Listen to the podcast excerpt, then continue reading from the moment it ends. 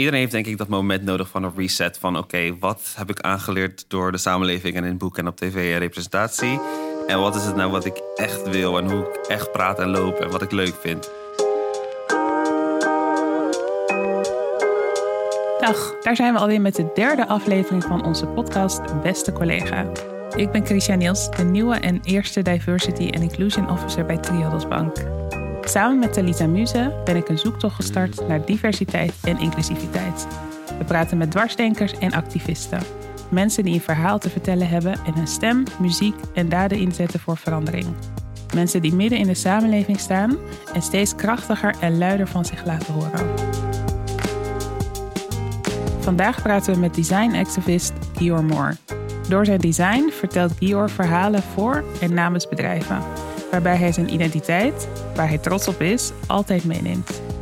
Ik ben samen met Christian deze reis aangegaan om beter te begrijpen hoe we met diversiteit aan de slag kunnen binnen onze eigen werelden. Zij binnen de financiële sector en ik binnen de media en in het ondernemerschap. Zelf wil ik leren om trotser te zijn op mijn eigen afkomst en anders zijn. Nou, dan is dit de juiste volgende gast. Want op Gior kan je gewoon echt niet heen. Als je op mijn Instagram komt, LinkedIn, het eerste wat je ziet is gewoon Black Queer Creator. Eh, Je komt er niet omheen. En de reden daarvoor is ook gewoon van, ik wil dat het never een issue wordt. Als je met mij praat, dan moet je het gelijk weten en daarvoor respecteren en niet alleen tolereren. Ja. En dat werkt voor mij zo goed, omdat iedereen met wie ik praat, weet ik van, jij weet het al, weet maar je belt mij alsnog.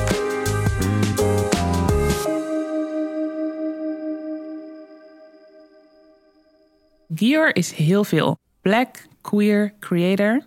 En hij zet zichzelf in de markt als een design activist. Een term die voor Talita en mij nieuw is, alhoewel ik wel een vermoeden heb wat het zou kunnen betekenen. Ik heb, die, ik heb dat zelf een beetje gecoind en hoopte dat mensen het gingen overnemen. Dat werkt op zich wel prima Wat tot nu toe. het? Wat betekent het? Ehm designactivist heb ik van iemand anders. Het komt uit een boek die het heet The Design Activist Handbook. En dat is geschreven door Noah Scalin. En ja, ik had gewoon een keer een cursus gedaan van hem, gewoon zo'n online cursus. En daarin sprak hij dus over het belang van designers en, en wat voor grote impact we hebben. En ik heb een nou, designachtergrond en ik heb dus ook een soort fascinatie voor design psychology en wat kleuren met je doen. En ik was heel erg into propaganda en brainwashing en niks engs hoor, maar dat vond ik gewoon heel erg interessant. En ehm, dus ik wist eigenlijk altijd al van wij als designers of creatives hebben echt een veel grotere invloed dan je denkt. Ja. Ik bedoel, we zitten hier in een ruimte die helemaal gedesigned is. Weet je, dus over nagedacht van wat voor gevoel geeft het en dicht bij de natuur en everything is. Je schept eigenlijk de werkelijkheid voor andere mensen. Ja. Je schept plekken, ruimtes, beelden... waar 100%. andere mensen gewoon binnenkomen en die accepteren... nou, dat is zoals het er je uitziet. Maar tegelijk, dat doet van alles met je, zeg maar. Ja, dus je beïnvloedt het, het beïnvloedt je Ja. onbewust, ja. Toen ik dus dat handboek las, en waarin het gaat over... nou ja, dat er best wel veel designers zijn die natuurlijk... kunnen zich aan het verkeerde kant van het verhaal zetten... maar er wordt design gebruikt om mensen onzeker te maken... om meer producten te verkopen. Er wordt design gebruikt om eh, mensen te manipuleren... Om, om dingen te doen en... Dat gebeurt heel veel en dat heb ik zelf ook in mijn Ja. werkveld meegemaakt. En toen ik dat las, dacht ik dat die kant van, van design wil ik niet op. Dus dan ga ik de andere kant op. En dat, dat omschreef hij als design activism. Ja. Dus zodoende dacht ik, oké, dan is dat wat ik doe. Een designactivist, dat word je niet zomaar. Daar heb je mensen voor nodig die in je geloven, het voor je opnemen. In aflevering 1 vertelde Shishani Franks hoe haar moeder meeging naar een concert... omdat ze er zeker van wilde zijn dat haar dochter haar verhaal kon vertellen. Gelukkig is Gior ook gezegend met een moeder... die snapt hoe Gior zijn geaardheid, zijn genderidentiteit en culturele afkomst... een rol zullen spelen in de kansen die hij wel of niet krijgt. Maar ook een moeder die tegen hem zei... jij bent voorbestemd voor grootste dingen. Ehm, ik weet nog heel erg goed, ik had nou, CITO-score natuurlijk. Mhm. En toen had ik de CITO, CITO-score 546. Dus dat betekent dat je VWO ateneum hebt. Oh ja. En mijn leraar was overtuigd dat ik HAVO moest gaan Oh doen. my God. Right, we gaan dit gesprek niet eens te ver in. Maar ik op dat moment had zoiets van... Oké, ja... Ik weet niet, ik denk niet echt over na. Ik dacht van, oké, kind of makes sense. Heel veel vrienden van beginnen haven. Ik dacht, oh ja, prima, Ja. right. Ja. Mijn moeder stormde naar de school. Je moet echt beseffen van, die auto's hebben nog nooit zo... Het waren gerende banden, zeg maar. En Angry mom. ja, en op dat moment, op dat moment schaamde ik me dood voor. Kijk, nu denk ik echt van, dit is Dit zou je waarschijnlijk ook nog voor je Decisive kind. moment. nou, dit is, de, dit is gewoon de reden waarom ik nu ben zoals ik ben. Dat ik, dat ik vertrouwen heb in me kunnen en me doen. En weten dat mensen mij gaan zeg maar, discrediten. En mensen mij gaan proberen te ondermijnen. En, en weet je, systematisch racisme. Zij was de eerste die mij liet zien van... Jij gaat VWO doen. Ze zei tegen mij, jij gaat VWO doen sowieso. Dus zij is naar school gegaan. Heel, heel ding, heel drama. Maar ik ben VWO gaan doen. Ik heb VWO gehaald in zes jaar. Nooit blijven zitten. Goede cijfers, everything else. So, voor mij zijn dat die kleine dingen die zeggen van... Jij gaat, het, jij gaat iets, iets goeds doen.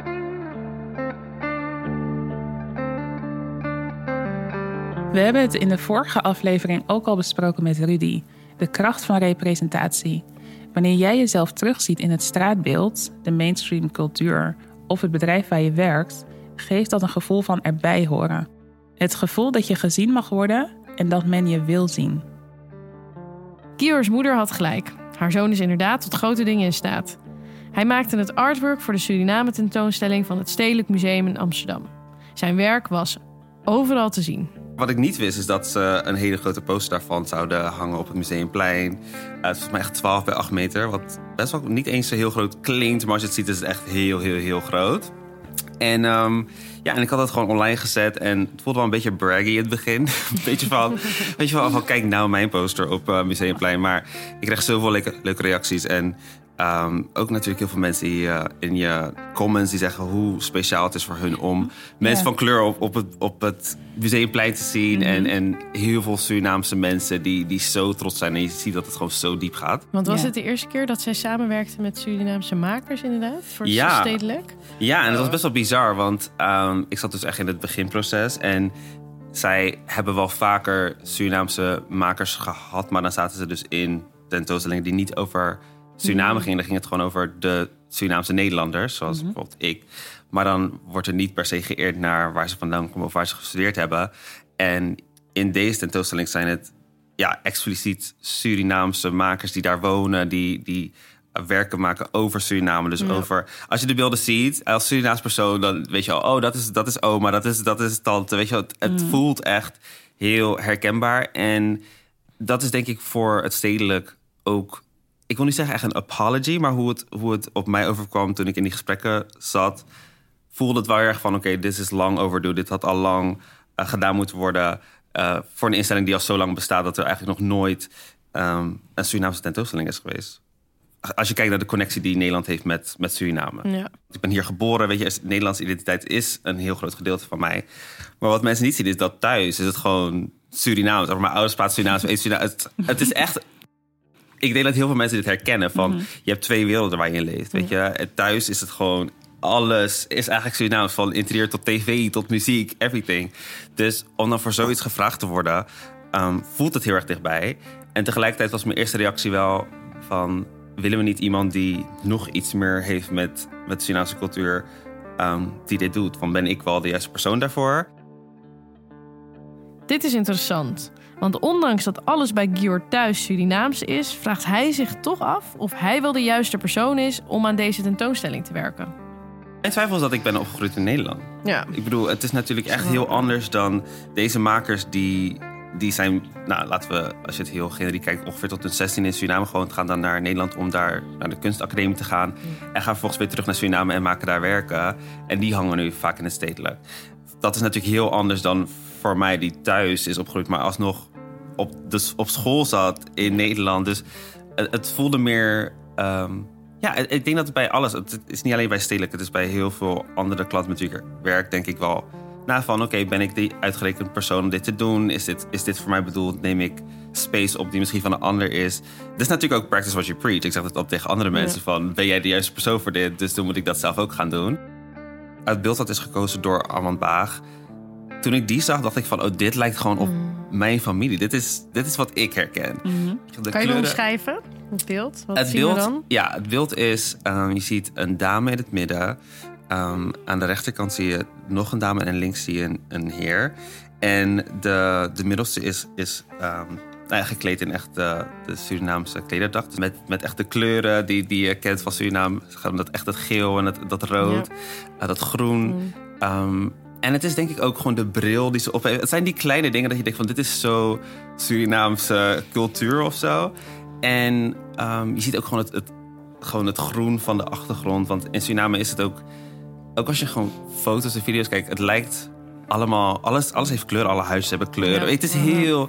En dat, zo voelde het voor mij. Gewoon heel erg van, oh, de middels is, is, lijkt op mijn tante Wonnie. Maar zo zeggen, weet je wel.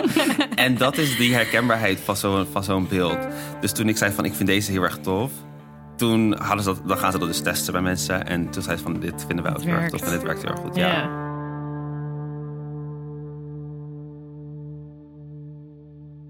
Dit is voor mij wel echt een belangrijk inzicht. Ik ben zelf altijd best wel kritisch geweest over hoe belangrijk het is voor mensen om zichzelf en hun cultuur terug te zien ergens. Ik dacht vaak, ja, ik zag mezelf ook nooit ergens terug op de plekken waar ik kom, maar het heeft mij er niet van weerhouden om ambitieus te zijn in Nederland. Maar door deze uitleg van Gior, de liefde waarmee hij praat over alle kleine dingetjes die specifiek van jouw cultuur zijn, daardoor snap ik het wel wat beter. Er zit gewoon zoveel emotie in alle culturele dingen die je van huis uit meekrijgt. Dat is je veiligheid. En hoe fijn en mooi is het eigenlijk als je dat ook vaker terug mag zien in de samenleving waarin je je beweegt. Gior is designer en denkt dus na over hoe ontwerpen, vormen en kleuren in de wereld onze gemoedstoestand bepalen. Ontwerpers hebben dus enorm veel invloed op hoe wij de wereld ervaren. Maar hoe werkt dat nou? Hoe kun je beelden en kleuren inzetten om mensen te beïnvloeden? Ik, ik heb altijd als, als ja, filosofie dat wit, als je dat aan hebt naar een meeting, of zo, dat je dan heel erg betrouwbaar overkomt. En dat het heel erg rein is en heel erg veilig. En, dus ik doe altijd wit aan. Ik heb design psychology gestudeerd en ik vond dat super interessant. En, en ja, wit, het staat wel ergens voor. Websites zijn wit, omdat alles kun je beter Ja. lezen. Maar het, is, het heeft heel veel onderlagen. Ehm, en ik denk dat wij het gewoon aan hebben, omdat sowieso, ik vind ook wit gewoon op, op sun color is altijd mooi. Dus ik bedoel, dat is een esthetische reden. Maar ja, alles heeft een reden. Echt alles wat we doen heeft een, heeft een cognitieve lading. Ja. Ehm, weet je, waarom is het een scherm is roze en dan 3 euro duurder? Dat, het heeft allemaal een betekenis. pink tax? Dat is Of pink niet? tax, ja. Ja, Pink tax, ja, dat, wist ik echt niet. ja, dus alles wat zeg maar, voor vrouwen gemaakt is, is heel vaak hetzelfde product. Maar dan maken ze het roze of en dan is het dus duurder. Omdat vrouwen dus meer consumeren dan mannen. en Meer shoppen, en meer winkelen, en whatever. Dus het, het gaat heel diep. Het gaat echt heel ver. Met het kleur shirt dat je aantrekt kun je al bewust of onbewust een keuze maken over wat je wilt uitstralen. Maar hoe zit het dan met uiterlijkheden die je niet zomaar kunt veranderen? Talita en ik zijn allebei vrouwen van kleur en hebben ons aandeel in ongelijke behandeling op basis van onze kleur ervaren. Nog niet zo lang geleden kreeg ik nog te horen dat mijn ingevlochten haar te afleidend was. Te horen krijgen van je collega's dat de wijze waarop je je haar draagt te afleidend is. Dat vind ik nou echt een voorbeeld van microagressie. Microagressie is aanvallend gedrag, minachting of belediging gericht op iemands identiteit. In een artikel van de Groene Amsterdammer van Hassan Bahara omschrijft hij waarom microagressie zo ernstig is. De pijn in microagressie zit vaak niet eens in de opmerkingen zelf, maar in het wereldbeeld dat erachter steekt. De bijna vanzelfsprekende houding dat de ander niet helemaal op gelijke voet staat met degene die de microagressie uitte. In, in mijn veld is het het gebruik van foto's. Ik werkte bij een bedrijf en daar het was meer in de professionele, whatever that is, eh, hoek. Waarin het heel erg gepusht werd om, om witte mannen te pushen in de branding. En ik had één keer volgens mij had ik een, een, nou, een zwarte vrouw had ik volgens mij ergens niet eens in het midden of niet eens heel prominent. En toen was het al een issue. En toen, toen dacht ik, en het was letterlijk zo gezegd van dat komt minder professioneel over. En toen, en dan denk je natuurlijk bij jezelf van dat is gewoon mijn moeder. whatever. Weet je, dat is gewoon mijn zus. En dat dan, dan raakt het je zo erg. Je zit in een, in een zaal met, met witte mensen, basically. Ehm, en dat, dat is dus een van die voorbeelden waarvan ik dacht van... dit is hoe design eigenlijk...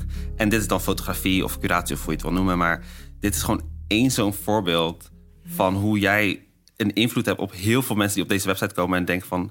oké, dit is voor professionals, ik zie mezelf er niet bij... dus ik ben niet professioneel. En dat is het probleem.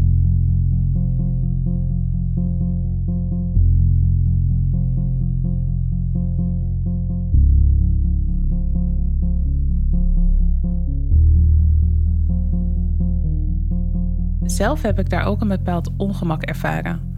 Mijn foto staat op de website En ik blijf het onwerkelijk vinden, omdat het enerzijds voelt als een stil protest, waarbij we laten zien dat een zwarte vrouw ook bij een bank kan werken.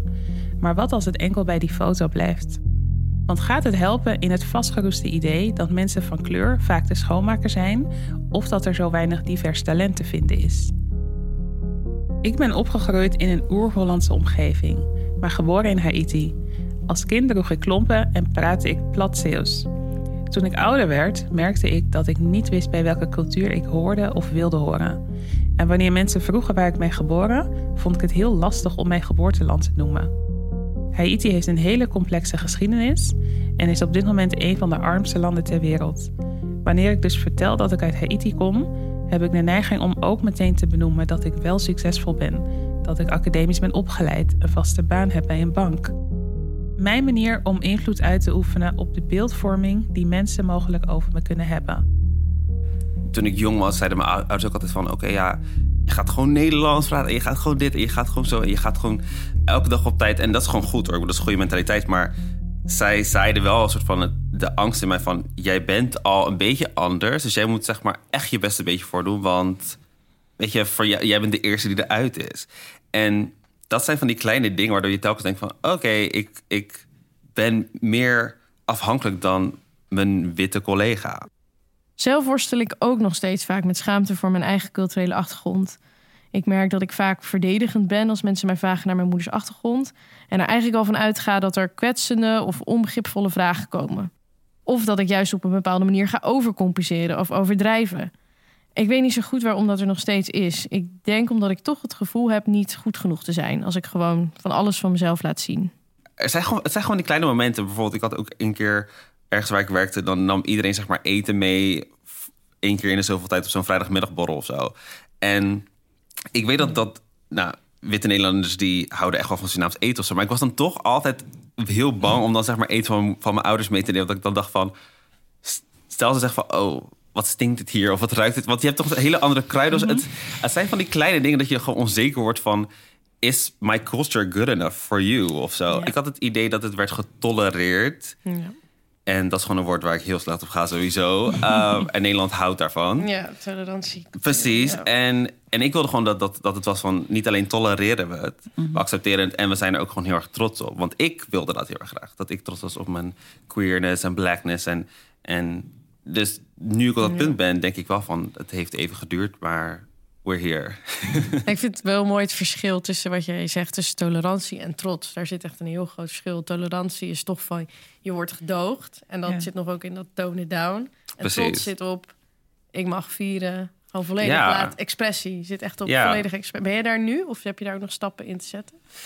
Um, ik, ik denk dat ik echt een hele good... Ik ben op een goede plek. Ja, ik denk wel dat ik heel erg lang ook dacht van... oh, als ik getolereerd word, dat is echt de beste mm. uitkomst. Omdat je eigenlijk komt van... oh, ik ben bang dat iedereen me gaat haten... of iedereen me vies gaat vinden. Dus dan is tolereren is eigenlijk heel top. Is gewoon, oh, oké. Iemand zegt van, oh ja, het boeit me niet. Maar dat is, dat is uit... Nu ben ik daar niet meer tevreden mee. nu, nu, nu met alles wat ik zie en hoor en, en heb meegemaakt... dan is dat niet meer waar ik voor settle. Is van, oh, oké, ik tolereer het wel. Nee, dat, dat, dat is niet genoeg. Van ik, als ik jou respecteer als persoon en met jouw cultuur en, en mij tussen haakjes aanpas aan jou, dan verwacht ik minimaal hetzelfde voor mij. Ik merk dus heel erg dat, dat herkennen jullie misschien wel, van dat je eigenlijk persoonlijk veel kritischer bent of inderdaad veel uitbundiger. Of, maar dan heb je dus een versie van jezelf als je dus op kantoor komt of in je vergaderingen. Ehm, om het inderdaad een beetje in te dimmen en wat mhm. minder kritisch te zijn en gewoon te zorgen van oké, ik wil dat iedereen zich vooral heel gemakkelijk voelt en nou ja, niet, niet met allemaal hele ingewikkelde termen te komen. En, maar ik merk ook bij mezelf van enerzijds dat, dat het, het is super vermoeiend.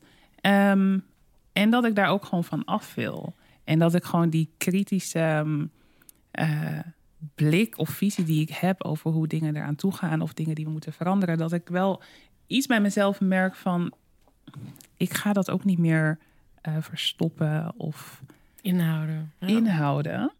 En um, dan helpt het inderdaad zo'n groot billboard door Nederland, ja. waarin je een, een, nou, ik wil zeggen een ander beeld ziet, maar eigenlijk wel een ander beeld ja. dan wat we normaal zien. Ja. Of dat je mensen ziet op, op nieuwe functies of nieuwe plekken. Ja, Ehm, en dat was ook een van de redenen dat ik dacht van oké, ik ga nu mijn haar vlechten. Want het is tijd dat je gewoon jezelf Precies. bent en jezelf laat zien. Ik ben vooral bij mij, zeg maar...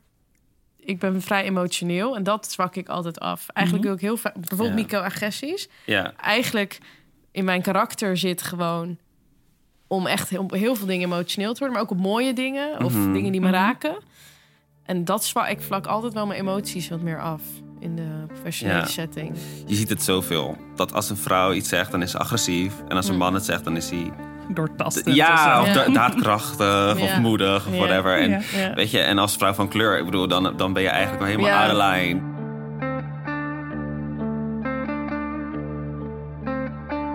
Komen we toch nog even terug op die zichtbare verschillen.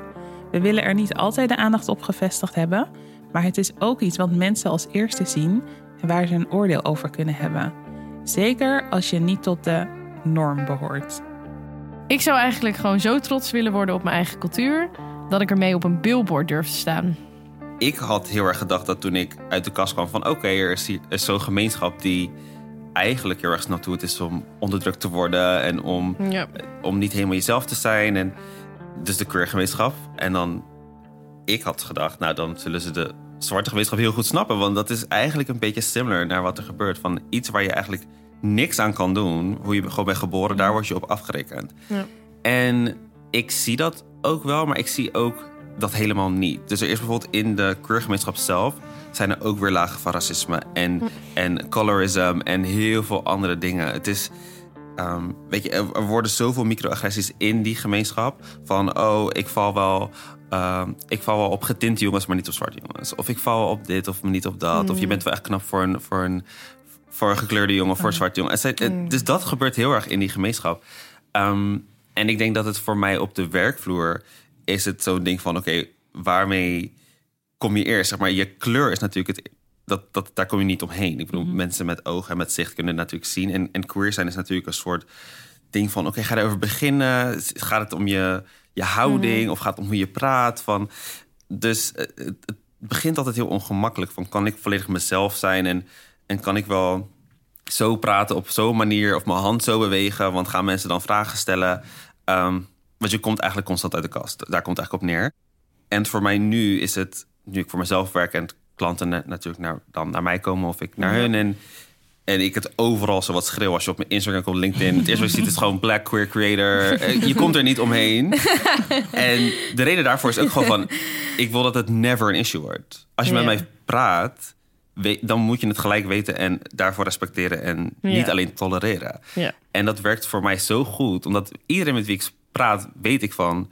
Jij weet het al, weet maar je belt mij alsnog. Dus weet je, jij hebt een, een bepaalde, bepaald level voor respect voor mij.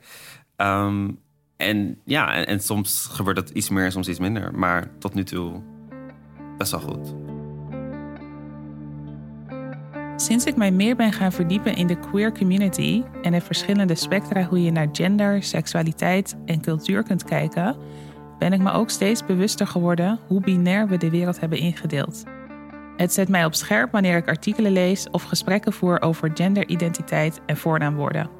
Ik ben zelf geen onderdeel van de queer community, maar ik leer veel van deze gemeenschap als het gaat om jezelf te durven vieren en je ruimte in te nemen. Ik merk dat ik zelf nog moet leren hoe het non-binair kijken naar de wereld eigenlijk werkt en wat mij dat brengt. Ik ben best wel opgevoed met traditionele en dus stereotype man-vrouw rollen. Ik merk dat het mij ook ergens intimideert of zo als ik dat loslaat. Zo van, ja, wat ben ik dan? Nou, ik vind, dat, dat, ik vind zeker dat het, dat het heel erg binair is. Maar ik vind dat het relatief gezien, denk ik dat Nederland echt wel, Hm. echt wel zijn best doet. Ik bedoel, er zijn natuurlijk heel veel gesprekken over genderloze wc's, genderneutrale wc's. Ja. Of, eh, en heel veel andere genderneutrale dingen. Ik weet dat bijvoorbeeld de NS die doet nu Hallo Reizigers, volgens Ja, mij. en hiervoor. Weet je, en het zijn dat soort kleine dingen waarvan ik denk van... Het zou ons leven sowieso veel makkelijker maken als alles natuurlijk genderneutraal is. En het begint eigenlijk al bij, bij baby's. Weet je, van is het een jongetje of een meisje? En een gender reveal. En, en oh, Ja. blauw is voor jongens. Dat zijn allemaal van die kleine dingen van daarmee...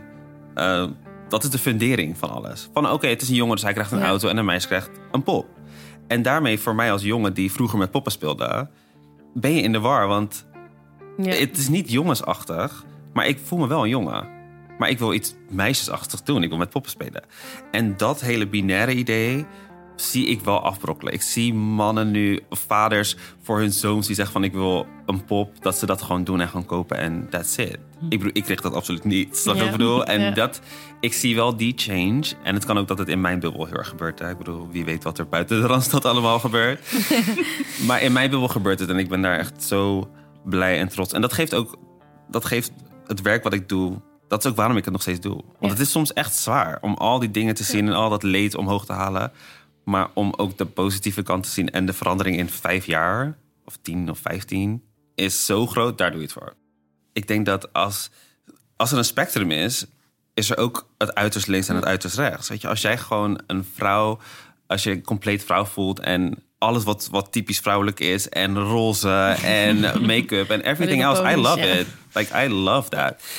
Maar als jij het maar leuk vindt, maar niet dat, het, dat wij zeggen, omdat jij een vrouw bent, moet je dat leuk vinden. En dat is het verschil van wij weten soms niet eens wat wij nou precies leuk vinden.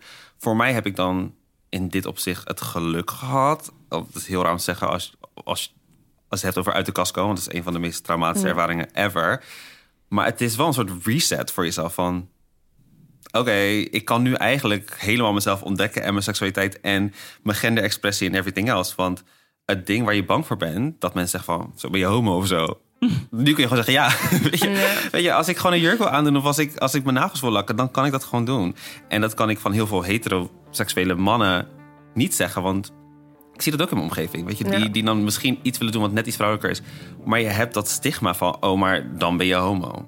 Iedereen heeft denk ik dat moment nodig van een reset. Van oké, wat heb ik aangeleerd door de samenleving en in boek en op tv en representatie? En wat is het nou wat ik echt wil en hoe ik echt praat en loop en wat ik leuk vind? En, en de meeste mensen noemen dat Ja. een midlife crisis volgens mij zo.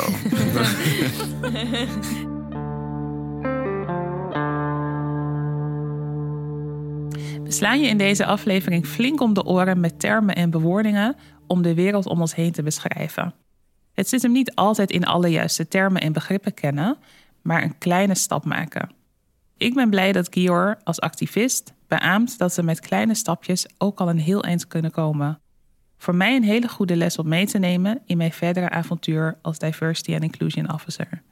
Kior heeft vanuit zijn ervaring ook tips voor ons hoe we alert kunnen zijn op inclusie en diversiteit. Ehm, nou ja, een van de tips die ik sowieso altijd geef is... betrek de mensen van de doelgroep. Betrek, als je zegt van ik wil meer inclusief zijn... betrek mensen die, die lijken op de mensen die je wil aantrekken. Die Ja. weten hoe het werkt en hoe een cultuur elkaar zit. Hoe zij luisteren en praten en everything else. Ehm, en dan denk ik meer, meer praktisch is... Ik, dit zeg ik ook wel eens, is, en het klinkt zo cringy, but bear with me, is wel een soort lijstje hebben van: oké, heb ik vrouwen gerepresenteerd in dit stukje content wat ik heb gedaan? Heb ik mensen van kleur gerepresenteerd in dit stukje content wat ik heb gedaan? Heb ik eh, gekeken naar genderexpressie en non-binaire mensen? En, en je hoeft niet alles aan te trekken. Ik bedoel, zelfs voor mij, ik, Ja. ik werk nu ook in heel veel teams en voor eh, voor de politie. En daar zit diversiteit gaat ook over ableism. Weet je, van eh, ben jij mentaal beperkt of gehandicapt? Of kun jij goed zien? Of ben je misschien doof? Diversiteit gaat zo... Je kan niet Ja. iedereen overal, maar... Je kan niet voor iedereen inclusief zijn op elk moment van de dag. Maar in ieder geval je best doen en zo een, een lijstje maken van... oké, heb ik in ieder geval meer mensen dan, dan de norm hierbij betrokken? Dat denk ik. En met inclusief ik, ik, voor mij zit het veel meer in foto's en taalgebruik. Dat doet zoveel. Een foto, dat is iets gelijk wat je ziet in iemands ogen. Je krijgt gelijk een connectie daarmee. Dus wees gewoon bewust van wat voor foto's je gebruikt... en wat voor taal je gebruikt wanneer je video's maakt... en wie je vraagt om daar te komen en waar je het over hebt. En niet alleen een zwart vierkantje op je Instagram, zeg maar. De opmerkingen van Gior doen me denken aan wat Rudy ook vertelde. We hebben een verantwoordelijkheid naar de kinderen van nu en de generaties die na ons komen. De keuzes die we nu maken hebben impact op iedereen die na ons komt en de wereld die ze aantreffen. Wat ik zo sterk vind aan Gior is dat hij zijn anders zijn echt op de voorgrond plaatst. Zo van: dit ben ik, hier ben ik. En als je met mij samenwerkt, dan is tolereren gewoon niet genoeg meer. Ik verdien acceptatie. Deze boodschap van hem sterkt mij ook weer om mezelf volledig te laten zien en dus niet meer in te houden. ik hoop dat het op een dag niet meer nodig is. Dan zijn we klaar met dit gesprek. Dan is iedereen equal. Dan mag het weg.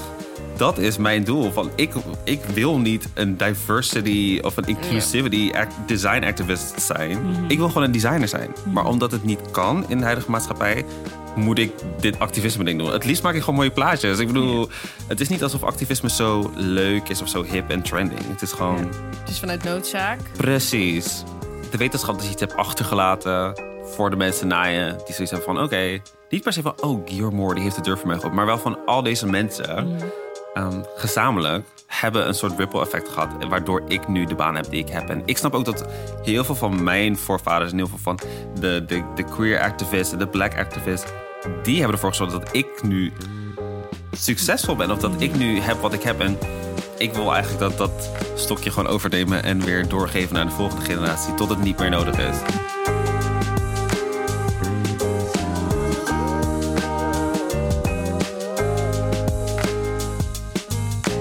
Beste collega wordt gepresenteerd door Talita Muze en ikzelf, Christian Niels. De podcast is een initiatief van Triodos Bank en wordt geproduceerd door het podcastkantoor. Over twee weken zijn we terug met een nieuwe aflevering. Abonneer je daarom alvast op de plek waar je deze podcast hoorde. En mocht je tijd hebben, zou je ons een handje kunnen helpen door een review achter te laten, zodat we beter vindbaar zijn voor nieuwe luisteraars. Tot over twee weken bij een nieuwe aflevering van Beste Collega.